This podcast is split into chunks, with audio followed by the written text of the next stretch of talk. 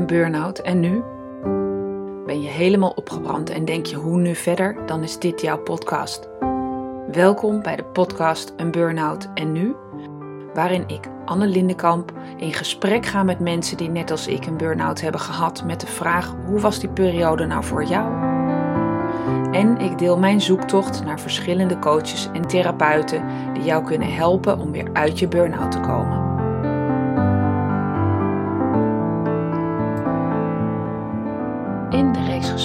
Mensen die kunnen helpen om weer uit je burn-out te komen, deze week een bijzonder interview met Koen Lievaart.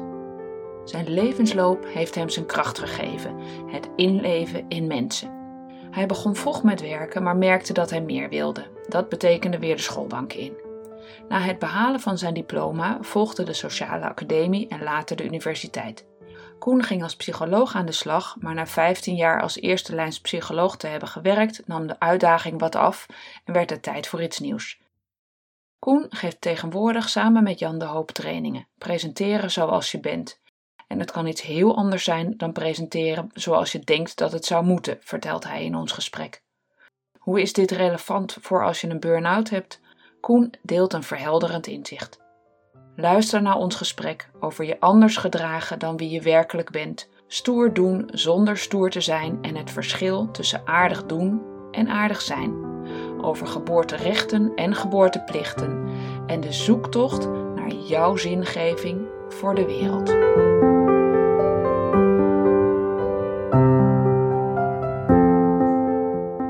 Een burn-out en nu de podcast.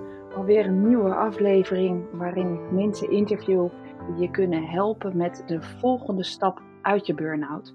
En vandaag hebben we niet de eerste volgende stap, maar de tweede volgende stap uit je burn-out. Voor als je echt wel weer een beetje beter in je vel zit. Ehm, want dan kan Koen Lievaart misschien iets voor je betekenen. Koen, welkom in de podcast. Ja, hallo Anne. Je hebt een bedrijf waarin je helpt om te presenteren zoals je zelf bent. Maar hoe helpt dat mij nou als ik uit een burn-out ben gekomen? Ehm, ja, we kennen allemaal de uitspraak uh, van ja, wees gewoon jezelf en dan komt het allemaal dik in orde. Uh, dat is ook wat we vaak ook wat van anderen verwachten. Uh, wees jezelf en dan komt het allemaal goed. Alleen, ehm, ja, wat stel je jezelf daarbij voor? Ik weet wel dat uh, als mensen zich anders voordoen dan wie ze zijn, en dat heb ik zelf aan de leven ondervonden ooit, dat dat heel veel energie kost. iets op te houden anders dan wie ik ben. En uh, ja, dan is er eigenlijk een verschil tussen wat je doet en wat je eigenlijk bent. Ik heb ooit vroeger ja, heel veel zelfverzekerd gedaan, zonder dat ik me zeker voelde. En ik heb me ook heel erg onafhankelijk opgesteld, hè, zonder dat ik me echt onafhankelijk voelde. En onkwetsbaar gedaan. En aardig gedaan, leuk gedaan zonder leuk te zijn, stoer gedaan zonder stoer te zijn. En er zaten heel veel andere dingen achter dan wat ik ophield. En dat kost heel veel energie. En daar ben ik in vastgelopen. En dat was voor mij het punt om met de pas op de plaats te kijken: hey, wat is hier aan de hand? Um, wat moet hiervoor in de plaats komen? En toen kwam het antwoord: ja, met gedragen zoals ik ben. En als ervaringsdeskundige um, ja, help ik mensen nu om datzelfde pad te bewandelen als ze daarin vastgelopen zijn, nadat ze langere tijd uh, zich anders hebben gedragen dan wie ze zijn. Ja, nou, ik, ben ervaringsdeskundige met een burn-out, zoals je weet. En ik liep enorm vast in uh, dat ik eigenlijk geen idee meer had uh, wie ik was. Maar ik moet je eerlijk zeggen, ik, ik wist het zo niet dat ik ook niet wist wie ik dan wel was.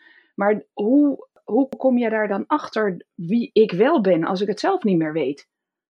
Ja, ja dan kunnen we eigenlijk eh, naar ja, verschillende momenten kijken.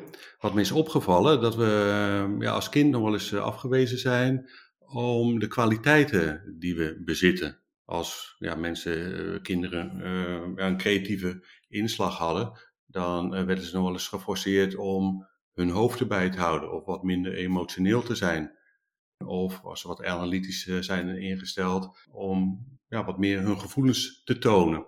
Dus eigenlijk uh, waar je als kind wat, wat, wat, wat uh, ja, prominenter mee naar voren kwam. Uh, in mijn geval was dat, ja, ik weet van mezelf inmiddels dat ik introvert ben, dat ik introvert mag zijn. Maar ik werd wel door mijn omgeving gepoest om naar voren te treden, in het middelpunt van de belangstelling te staan. En dat was een arena die voor mij nogal gewelddadig overkwam, want daar voelde ik me helemaal niet thuis. Dat hoorde niet bij me. En ja, dat zorgde ervoor dat ik in een situatie was waar ik uh, probeerde te overleven. En daar kwam ik later achter uh, dat ik daar ja, in een wat, wat uh, geforceerde manier in een hoek werd gepoest, waar ik eigenlijk niet, niet, niet, niet thuis hoorde. Tegenwoordig is het wat, wat makkelijker of een mooie aanvulling als ik met mensen kijk. Ja, wie ben je nou eigenlijk wel? En dat is nu natuurlijk tijdafhankelijk, hè, want we weten allemaal dat als we tien jaar terugkijken, dat we daar vaak een heel andere versie van onszelf zien dan vandaag de dag. En over tien jaar eh, zal dat weer een hele andere ontwikkeling hebben doorgemaakt. Dus wat dat betreft staat het nooit stil van binnenuit, de ontwikkeling die je doormaakt, in emotionele zin, in rationele zin, de kennis die je opdoet, of de vaardigheden die je ontwikkelt. Ook natuurlijk gerelateerd aan omstandigheden waar je aan bloot staat. Uh, ons ook in deze situatie wat, wat, wat, wat beter kunnen leren kennen wat zelfbewuster kunnen worden. En uh, een sleutelwoord daarbij vind ik altijd, en dat is ook de vraag die ik dan aan mijn deelnemers uh, aan de trainingen eh, stel. Ja, waar word je nou eigenlijk blij van? Wat geeft jou energie? En het mooie daarvan is dat ik vaak ook zie en van mezelf weet dat als je doet wat je leuk vindt, dat je daar doorgaans ook heel erg goed in blijkt te zijn. Dat je daar een bepaalde expertise in kan ontwikkelen. En daar ook een ander en dat is ja, toch een vorm van zingeving. En de ander of anderen daarmee een dienst mee kan bewijzen. Dus uh, op het gebied van, van werk zou dat uh, een uitnodiging kunnen zijn om met die expertise, en in mijn geval als ervaringsdeskundige, met de worsteling die ik uh, zelf heb doorgemaakt, wat ik heb doorleefd, waardoor ik me ook heb kunnen inleven in mensen, bijvoorbeeld met een burn-out, om die te begeleiden naar een situatie waar ik zelf ook in ben beland. Om zich wat meer te mogen presenteren zoals ze zijn in meest brede zin van het woord. Dus dat is ook een vorm van zingeving. Dat nou, als je doet waar je blij van wordt en daar heel erg goed in blijkt te zijn, dat je daar mensen ook heel erg uh, goed mee verder kunt helpen. Ja, nou, nou gaf je aan, jullie geven trainingen, dus het is niet echt een therapie en dan ook nog een training in één dag. Maar, maar hoe kan dat dan zoveel naar boven krijgen en zo krachtig werken in maar één dag? Ja, dat is misschien wel uh, de kleinschaligheid waarmee we op zo'n dag uh, met, met uh, mensen werken. Kleinschalig in de zin dat het drie, ja, vandaag de dag met die anderhalve meter afstand, misschien dat het in de toekomst, nabije toekomst, ook wel weer verandert. Maar dan hebben we nog een maximum van vijf deelnemers op een dag.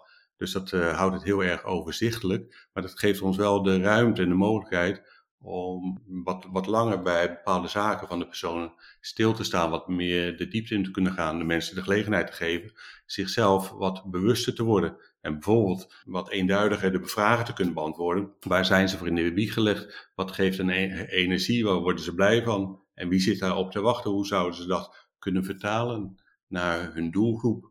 Uh, als ze dat op het uh, gebied van werk uh, invulling zouden willen geven. Maar, maar stel, hè, ik heb die burn-out gehad, dus wist op een gegeven moment, nou, het gaat een stuk beter met me, ik kan nu stappen zetten. En ik wist ook, er is ergens iets waar ik van aanga. Maar waar, waar mijn passie zat, waar ik blij van werd, echt geen idee. Maar hoe, hoe helpen jullie dan mensen om uh, daarachter te komen?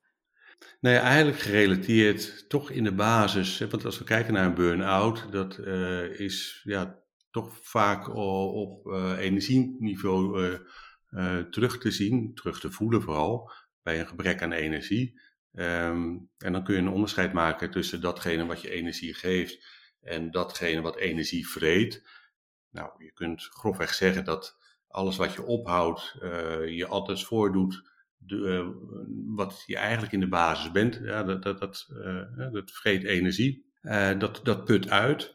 Maar natuurlijk zijn er ook wel momenten geweest uh, op het gebied van werk, relaties, uh, hobby's, misschien de manier van vakantie vieren, dat daar hele belangrijke signalen in zijn op te merken, waaruit je kunt opmaken uh, wat het over jou zegt, op welke manier dat jou dat in energie geeft. En wat we vragen in een presentatie, bijvoorbeeld eens een, ja, alles heeft een verhaal wat ons betreft, zowel in negatieve als in positieve zin, Als we heel direct vragen aan mensen, vertel uh, ons nou eens waar je vol van bent, waar we je s'nachts wakker voor kunnen maken, dan zijn eigenlijk alle mensen in staat om zich iets te realiseren. En dat valt ze eigenlijk toe. Misschien iets uh, wat ze hebben weggedrukt of zich nooit zo gerealiseerd hebben. Want alles waar je vol van bent, dat heeft een emotionele grondslag. En dat zorgt ervoor dat het vooraan in het geheugen zit. Dus als er daarnaar gevraagd wordt, of wanneer je daar zelf uh, aandacht aan besteedt, je aandacht op richt, dan krijg je ook allerlei associaties. Bijvoorbeeld met de manier waarop je ooit bent bezig geweest met een hobby. Dus dat zijn allemaal elementen die aangeven, uh, signalen, ingrediënten eigenlijk, die heel goed kunnen aangeven van wat jouw weg behoort te zijn, waar je energie van krijgt. Ja, en die energie, dat is natuurlijk echt heel erg fijn. En ik hoor je noemen hè, dat, je, dat je op zoek gaat naar uh, waar jij energie van krijgt. De dag die jullie geven is presenteren zoals je zelf bent. Nou heb ik vroeger als, uh, als inkoper uh, gewerkt en daar had ik legio uh, collectiepresentaties. Beetje spanning is altijd goed, dus daar ging ik dan en het doel was dan het presenteren van de collectie. Ja. Dan had ik goed voorbereid, ik wist wat ik ging zeggen, ik wist wat ik ging laten zien en dan presenteerde ik aan die groep mensen de collectie. Um, ik heb er eigenlijk nooit bij stilgestaan of dat vanuit mij was of, of vanuit iets anders. Maar waarom is dan presenteren vanuit jezelf zo belangrijk? Um, nou ja, als je iets omdraait, uh, wordt het misschien gelijk uh, duidelijk uh, wat er gebeurt als je je presenteert als iemand anders of als wat anders door iemand of iets ingegeven. Um, ja, soms ook met de beste bedoelingen, maar wat niet helemaal aansluit bij um, ja, waar je hart naar uitgaat, waar je blij van wordt, waar je dus energie van krijgt. En dat blijft al ja, levenslang, wat mij betreft, een hele goede graadmeter. Want soms kunnen we er met onze gedachten niet bij. En dat geeft ook vaak aan eh, waar we zitten wanneer we dat soort vragen willen beantwoorden. Van ja, wie ben ik dan? Eh, wat hoort bij mij? Uh, hoe ziet dat er dan uit als ik me ga presenteren, me ga gedragen zoals ik eigenlijk ben? De antwoorden liggen eigenlijk op gevoelsniveau. Ja, ja, exact. Want ik stel me dan voor, ik kom naar bij jou en dan zijn we met, uh, met vier of vijf mensen. Nou, ik ben nu al zenuwachtig, want ik moet daar zo meteen voor zo'n camera gaan presenteren. Ja. En doe ik dan mijn handen in mijn zakken of, of juist niet. En uh, dan heb ik wel een papiertje. Als die ik allemaal zo'n papiertje in hun handen. Heb ik dat dan? Dat lijkt mij nog altijd, ik denk, hm, uh, pittig om alleen al het idee om daar te staan. En hoe begeleiden jullie dat dan? Nou, wij zijn oprecht uh, belangstellend in hoe het de ander vergaat. En vooral wat betreft de kloof die zit tussen hoe mensen zich presenteren zoals het hoort, ten opzichte van zich te presenteren zoals ze zijn. Ja, maar, ja, want alles wat ik noem is nu presenteren zoals ik denk dat het hoort. Ja, dat valt direct op, of dat valt ons direct op. Uh, ons is dan, uh, deze trainingen heb ik samen met Jan de Hoop. Hij heeft dan een journalistieke achtergrond. En ik heb jarenlang uh, een praktijk gehad als, uh, als, als eerste lijnspsycholoog. Uh, dus dat zijn twee invalshoeken die ja, tijdens zo'n training heel goed uitpakken. Als we gaan kijken, ehm, wat houden mensen nou eigenlijk op, waardoor ze ja, hun kwaliteiten en talenten onvoldoende ruimte geven en tot ontplooiing laten komen. Nou, heel concreet doen we dat eigenlijk direct al begin van de dag.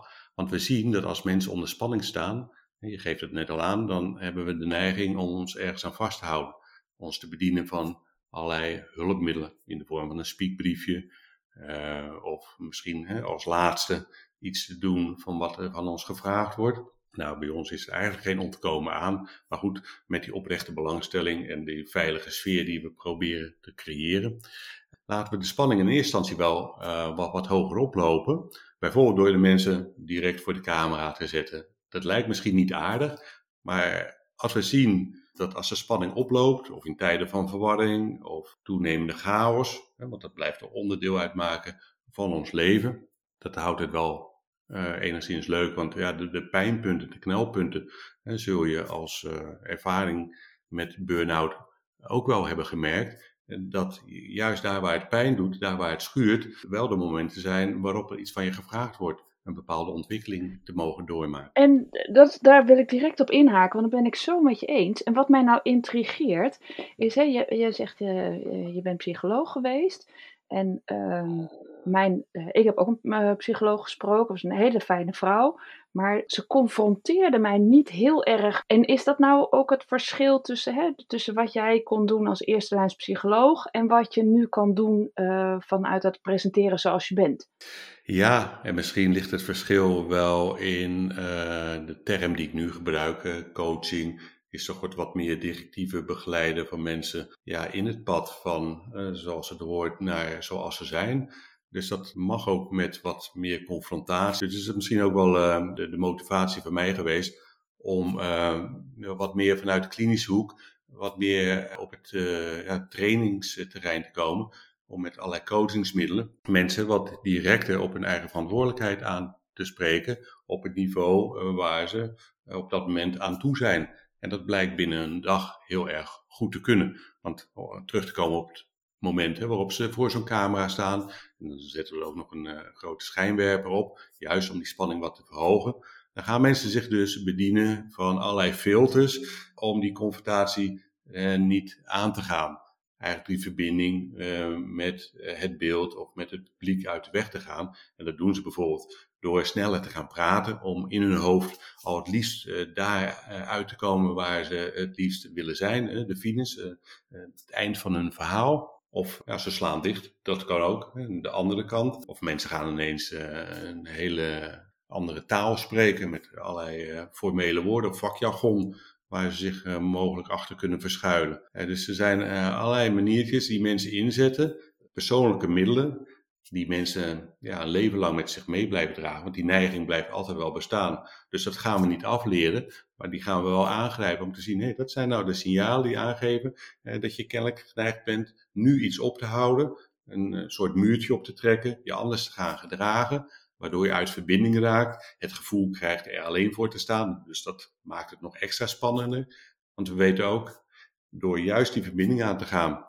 in contact te blijven met het publiek, dat dat juist energie geeft. Hè? Dat dat een, uh, die openheid die je durft te tonen, dat het ook uh, openheid voedt. Dat maakt je sympathieker, uh, het wekt vertrouwen, het maakt je ook geloofwaardig in je optreden. En dat krijg je als respons allemaal terug van de mensen waar jij je verhaal aan vertelt. Ja, ik, ik denk, ja, hij heeft zo gelijk. Want als ik daar zou staan in die schijnwerper, dan zou ik precies wat je zegt, die maniertjes, dan zou ik dus denken, oké, wat wordt er nu van me verwacht? Uh, zit mijn haar wel goed? Hoe doet de nieuwslezer dat? Nou, die staat rechtop. En, uh, hè, maar misschien voel ik me daar wel helemaal niet prettig bij. Dus je moet echt wel vanuit jezelf een manier vinden zodat je wel comfortabel bent, want dan kom je dus ook comfortabel over. Dus je moet echt jezelf op nummer 1 zetten. Ja, nummer 1. Kijk, zolang je leeft, zit je zoals ik dat dan altijd zeg, met jezelf opgescheept. En dus ligt het ook voor de hand om allereerst een hele fijne relatie met jezelf te onderhouden. Alles wat daar deel van uitmaakt. In gunstige, maar ook zeker in ongunstige zin, omdat we daar nog wel eens van weg willen lopen. Dus ook de gedachten die je hebt wanneer het spannend wordt, bijvoorbeeld met een presentatie. Oh, dan moet ik het wel net zo goed doen als de nieuwslezer. Of al mijn teksten tot elke punt uit willen schrijven. Of misschien te beperken tot steekwoorden. Maar dat zijn allemaal ideeën die je hoofd haalt. Niet goed genoeg te zijn. Met daarbij vaak de aanvulling. Uh, wat ik vertel, of dat uh, wel interessant genoeg is. Uh, ben ik wel boeiend genoeg? Nou ja, dat natuurlijk zeker. Ik bedoel, wie zit er nou op mij te wachten? Want er zijn al zoveel goede sprekers. Dus waarom zou ik nog ook uh, moeten presenteren? Dus hè, die onzekerheid uh, kan ik me heel goed voorstellen. En ik kan me ook heel goed voorstellen dat ik best wel een schouderklopje zou willen als ik bij jullie binnenkom en dat zeggen, nou, oh, de Anne, dat doen jullie echt heel erg leuk. Maar zo te horen zou het dus best wel kunnen dat dat schouderklopje er niet is. Dat ik echt wel in het diepe gegooid word in het begin. Ja, en uh, vooral te ervaren dat wat het je doet en ja, hoe spannend en ja, mogelijk ook vervelend kan zijn. Maar als je daar open en eerlijk uh, in aangeeft van wat er door je hoofd gaat en dat ook deelt en ook merkt dat anderen dat ook hebben, dat soort ideeën hebben en zich daarin kunnen vinden, dan geeft het al ja, de bevestiging dat je daar niet alleen in staat. Door daarover te vertellen en dat je het best wel spannend vindt, geef je het ook de ruimte. Het wekt vaak ook sympathie. Dus ja, je voelt je vaak gesteund uh, door de omstanders.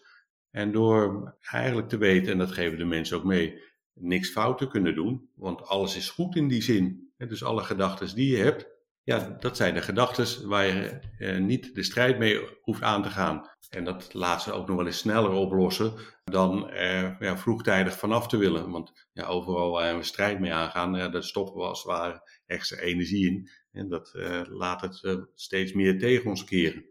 Dus ja, belemmerende overtuigingen of ja, op gevoelsniveau, uh, ja, verhoogde ademhaling of het hart wat, wat, wat sneller klopt misschien een knoop in de maag. Door dat te, erkennen, uh, geeft het al veel meer ruimte en voelt dat veel minder een belasting. En zul je ja, ook de bevestiging krijgen dat het helemaal niet erg is. Dus waar we nog wel eens heel geforceerd naar op zoek gaan, naar uh, de zekerheid of die onafhankelijkheid of die onkwetsbaarheid, ja, die vegen we eigenlijk op een liefdevolle manier van tafel. En je krijgt dan de ervaring dat, ja, zolang je leeft, Mag je kwetsbaar zijn? Mag je je tonen zoals je je voelt? Uh, is het leven onzeker? Blijf je ook uh, afhankelijk van veranderende omstandigheden? Dus die drie elementen, afhankelijk te mogen zijn, kwetsbaar te mogen zijn en onzekerheid een onderdeel van je leven te laten uitmaken, ja, dat maak je eigenlijk uh, indirect weer veel zekerder en onafhankelijker en minder kwetsbaar. Oh, dat vind ik wel mooi. Ik, ik uh, had een beetje het gevoel, oh, dan kom ik dus bij jullie en dan, dan ga ik gewoon het diepe in. En dan is het maar verzuipen. Maar ik hoor nu eigenlijk een hele uh, begripvolle, warme uh, begeleiding. Die je eigenlijk helpt die, en die gedurende die dag om dat vertrouwen in jezelf te krijgen en die zelferkenning te stimuleren. Ja, en meer dan dat want naast nou, het zelfbewuste mogen optreden en alles wat er deel van uitmaakt te aanvaarden en daarmee naar buiten te mogen treden, dat maakte dat we het nog eens hebben over enerzijds een ja, soort, het klinkt misschien wat zwaar, een geboorterecht. Het recht om vol, voluit van het leven te mogen genieten. Maar er zit ook wel een geboorteplicht bij. De plicht in de zin dat je hier niet zomaar op deze wereld bent, maar dat je wel iets wezenlijks hebt bij te dragen datgene waar jij uniek in bent. Jouw unieke persoonlijke kwaliteiten en talenten. En als je dat bijdraagt aan het verrijken van iemands anders leven, ja, dat is eigenlijk wat mij betreft een hele pure vorm van zingeving.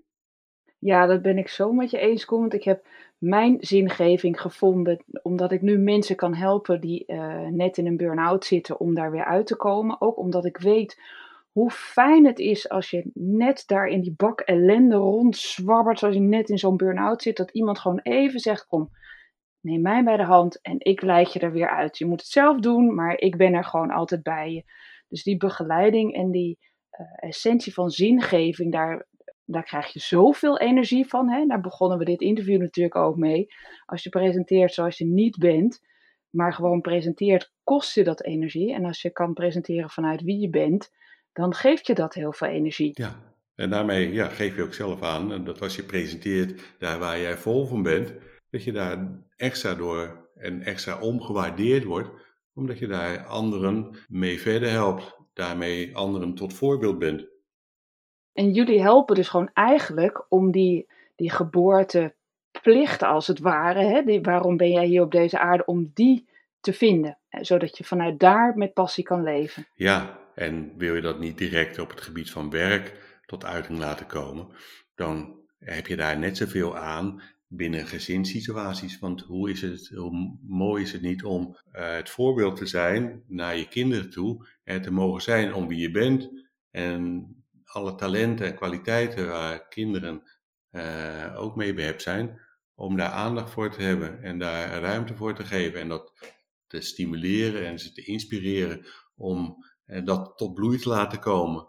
En ze te laten merken eh, dat ze daarmee het leven van anderen kunnen verrijken. Eigenlijk eh, de basis van zingeving, waarmee ze dus ja, ja, volop inspireren en energie krijgen. Alles tegengesteld aan het krijgen van een burn-out, waar het tegengestelde eigenlijk gebeurt. Heel mooi gezegd. Zingeving is inderdaad het tegenovergestelde van hoe je in een burn-out bent gekomen. Uh, en vinden hoe je er weer uit kan komen. Koen, dank je wel voor, het, uh, voor dit interview. Stel, er zijn mensen die denken, nou die Koen, daar zou ik heel fijn vinden als die mij helpt om mijn zingeving weer terug te vinden. Of als die me gewoon leert presenteren zoals ik ben. Hoe kunnen mensen jou contacten? Hoe kunnen ze je bereiken? Ja, nou, mochten mensen nieuwsgierig zijn geworden of er misschien iets uh, voor voelen om samen met ons iets te doen, ja, dan kunnen ze bijvoorbeeld een eerste stapje zetten om uh, op onze website eens te kijken. En dan kunnen ze een e-book, de 10 beste tips van ons, nou, die kun je downloaden. Dat zijn stuk voor stuk eye-openers waar je direct mee aan de slag kan. Uh, als opstapje om te kijken nou, of dat wat voor je is, uh, of je er wat voor voelt. Nou, mocht je enthousiast genoeg zijn, ja, dan ben je van harte welkom om ook eens zo'n trainingsdag, wij noemen het een VIP-dag, uh, natuurlijk presenteren bij ons te volgen. En dat kun je dan bij ons op de agenda zien wanneer de eerstvolgende dagen zijn die we daarvoor gepland hebben. Ja, en ik zit met pen en papier in de aanslag, maar naar welke website ga ik toe om die 10 tips te downloaden? Ja, eigenlijk heel simpel. Natuurlijkpresenteren.nl Natuurlijkpresenteren.nl voor 10 gratis tips om natuurlijk te kunnen presenteren en alle informatie voor jullie VIP-dagen. Ja, inderdaad. Geweldig. Koen, dankjewel dat je er wilde zijn. Het was een heel inspirerend, leerzaam interview. Ja, was ook heel leuk om over te vertellen.